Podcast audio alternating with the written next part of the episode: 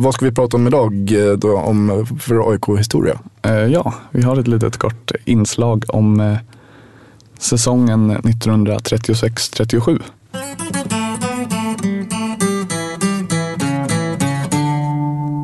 Questa è la storia di uno di noi. Anche lui nato per caso in via Gluck. Och eh, anledningen till det här då är att eh, skrev ju för ett tag sedan på Twitter om att han ansåg att vi hade den bästa truppen eh, som han sett eh, sedan han kom till AIK. Nu hällde Björn upp öl här igen. Nej. Han Ja, har med sig 10,2 års man. ja Arboga eller det är. ja. Hur som helst.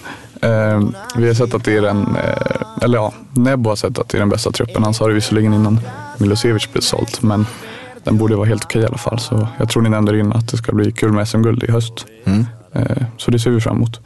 Men eh, hur som helst så började vi gräva lite då med väldigt mycket hjälp av eh, herren bakom AIK Historia som du nämnde. Och då vill vi helt enkelt se vilken trupp som gjort det bästa resultatet. Och då kom vi fram till att det nog kan vara 1936-37. Questo ragazzo della via Gluck. Och eh, ja, man spelade i höst-vår då, som man gör i Europa idag. Där har vi det två olika årtal. Vi snackar alltså året innan Råsunda invigs. Det är sista året på stadion då. Ja, det är både och. Det var faktiskt mitt i säsongen man hoppade över till Råsunda. Mm. Eh, Så det, det kommer jag till alldeles strax faktiskt. Mm. Eh, För eh, ja, lite korta skillnader från nu till då var ju dels att vi spelade höst och vår som sagt. Och sen så var det även ett tvåpoängssystem då. Så en oavgjord match gav en poäng och en seger gav två poäng. Mm. eh, Som det är i handboll. Och eh, hur som helst så vann ju AIK den här allsvenskan med nio poäng det här året. Och räknar man om det till nuvarande poängsystem så innebär det att vi hade vunnit med 14 poängs marginal ner till eh, IK Sleipner då, som kom två. Eh, och eh, man kan ju liksom konstatera att det bara var eh, 22 matcher istället för 30 i och med att det var 12 lag och inte 16. Så man kan ju kanske dra slutsatsen då att vi hade vunnit ännu mer om vi hade haft fler lag att slå helt enkelt. Mm.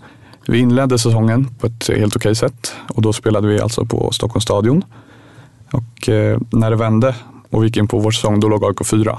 Mm. Eh, Men sen de sista 14 matcherna så blev det 13 vinster. Det enda var en oavgjord match, 1-1 borta mot Elfsborg. Mm. Och då kan man säga, också bara för att flika in lite grann här, att då cyklade ju Lennart Johansson, han var inte gammal då, Lennart Johansson, AIKs Mm, gudfader, mm, heders, hedersordförande, president i Uefa. Han cyklar ju ut till, eh, först till stadion och sen till Råsunda. Södra familjeläktaren stod han på och tittade, för han ville så gärna titta på Gurra Sjöberg. Mm. Förlåt, jag vill bara säga. Ja, det var en bra inflik. ja, det man kan konstatera väl också att vi är ett, eh, som vi brukar säga, att vi är ett höstens lag. Kostade 25 öre att gå på. Också. På de här matcherna. vi- vi- vet på det. Förlåt. Ja. Vi är ett höstens lag. Ja. Ja, eh, Redan då alltså? Ja, eller på sätt och vis eftersom att vi var bättre på våren. Men Mm. man kan i alla fall ja, säga att det är slutet av säsongen vi är bra på. Så ja, ni fattar, vi är ett höstens lag nu för tiden i Mm. alla fall. Och eh, ja, som vi var inne på så var det ju våren 1937 som vi flyttade in på Råsunda. Och eh, då mötte vi Malmö FF som vi är bekanta med även idag, Mm. tyvärr. Och det var den 18 april och då vann AIK med 4-0. Och det var faktiskt så att den här säsongen så använde sig AIK bara av 14 spelare totalt. Och då var det ju ja, 11 som spelade från början och så tre avbytare. Och eh, ja, vi hade helt enkelt inte så många spelare men de var jäkligt bra. Mm. Om man får svära i Man får svära i. Radio Ja, bra. Eh, Så jag tänkte ta en liten genomgång av laget helt Ja, enkelt. var Gurra Sjöberg med då? Eh, Ja, det var han För faktiskt. att Lennart pratar mycket om att han cyklar ut dit, betalar 25 öre för att se Gurra Sjöberg just. Då Mm. stod han nere vid plan precis på södra familjeläktaren och tände bengaler 1900. Gjorde det va? Ja, det var så 1937. Södra Tifo bildades. Ja. Eh, hur som helst, eh, vi hade i alla fall eh, Axel Acke Nilsson som var så pass extremt vänsterfotad. Beskrivs han att han skulle fått tränat se väldigt tvåfotad ut idag. Mm. Och sen har vi Erik Lillis Persson som var en av 30-talets giganter. Han gjorde 100 allsvenska mål i AIK till slut. Och sen var det Gustav Josefsson som har ett ganska, ja, idag icke populärt eh, namn som smeknamn. Ja, vad hette han då? Han kallades för Niggen, så det är inte Ah. så eh, applicerbart på Nej. dagens eh, spelare kanske. Eh, men sen hade vi Olle Zetterlund som vann skytteligan det här året på 23 fullträffar. Och det var hela sex mål då före Edvin Bergström från Sandviken som var tvåa. Och 23 mål är väl ja, bland de bättre siffrorna tror jag vi haft Det i är. Det är okej. Okej. Ja. Eh, och så var det Erik Almgren som var en enorm gentleman på plan. Han gjorde 197 allsvenska matcher i AIK. Varav 142 i rad utan att missa en endaste sekund. Så ja, det var väl lite som Åbolo hade ett tag där, att han spelade jämt helt enkelt. Mm. Och sen eh, hade vi en herre som kallades för Tomten vid namn Sven Söderström. Jag vet faktiskt inte varför, men eh, det var ett härligt smeknamn i alla fall. Och sen var det Isidor, ett väldigt historiskt relevant namn. Mm. Isidor Eriksson som eh, var en eh, tysk kämpe helt enkelt och viktig vattenbärare har även Magnus som du nämnde tidigare noterat här. Och så hade vi två stycken Walter, en vid namn Sköld som gjorde 170 allsvenska matcher i AIK och sen vid- namn Lundgren som var 30-tals backgigant och tillsammans med Svenne Wrålis. Och eh, Svenne Andersson var ju även han en backjätte som spelade väldigt hårt men inte fult.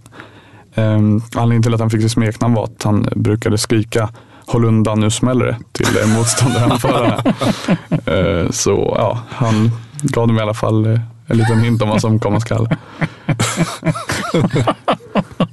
Håll undan, nu smäller det. Så det är det jag vill höra från Dixon i år, på engelska kanske. Ja. Och sen har vi som du var inne på Gustav Gurra Sjöberg. Och han är ju faktiskt mesta allsvenska AIK-aren på 323 matcher. Mm. För ja, Kärna har ju fler AIK-matcher, men just allsvenska matcher är det Gurra som, som är bäst. Mm. Och en liten rolig kuriosa där är ju att eh, Gurra var ju första målet i AIK, men han var andra keeper i landslaget. Eh, för i landslaget så hade man första målvakten Svenne Berka Bergqvist. Men just under den här perioden, under delar av den här säsongen, så var han målvakt i AIKs B-lag. Så det var ju lite Det var Hamrén som var tränare även då. Ja. Ja, precis. Det spekuleras kring det. Hans förfader där. Mm. Och sen en kort genomgång av de tre herrarna som brukade börja på bänken. Det var ju då Hugo Sjögren som var lagkapten vid guldet 31-32, men numera stabil inhoppare. Eh, som Kärna gjorde kanske sina Mm. sista år. Och så var det Åke Plocky Segrell och så Einar Bolin som var en smokinglirare som dribblade mycket men inte var så effektiv med bollen. Men det här är innan Per Karlfeldts tid.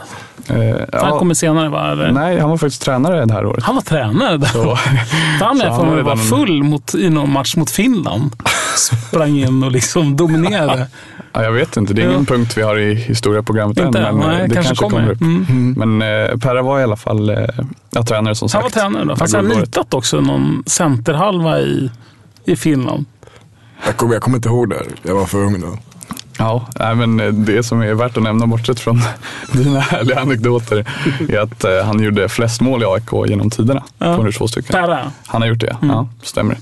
I och med att eh, vi är störst, bäst och vackrast så är det väldigt viktigt att vi även är den ödmjukaste klubben i Sverige. Mm. Så därför tänkte jag bara lyfta fram att Djurgården undvek sista plats i Allsvenskan. De kom näst sist. Mm. Eh, Och att eh, Hammarby, även de vann sin division i division 2 östra. Okej. Så det kanske nästan är värt en applåd. Ja, men det är lite grann som det, som det är nu. Ja. Eller det brukar. Ja, Men det, det har varit ungefär samma sedan dess. det har varit... För, för historien har ju en tendens att liksom upprepa sig, att det går i cirklar. sådär. Mm. Vil- Vilka var det, förlåt, vilka, vi, vi sa det, men ni som är med i den här, det här projektet för AIK Historia, vilka är ni? Det är väl inte bara du Simon? Nej, nej det är det absolut inte. Eh, Det är jag och så är det även som sitter här utanför, eh, Henrik och Oskar. Okej. Eh, Så vi tre ska försöka, som vi var inne på, bilda vår eh, AIK-sfär. Mm. Eh, Mycket bra. Och det här när, när, när Pära eh, nitar någon finländsk spelare, det vill jag höra mer om. Det måste ni ta reda på. Ja, det kanske vi kan ha som ett sidetrack. Just också att han var så jävla full någon match. Och ändå gjorde till Patrick. Mm. Jag Ja. hört.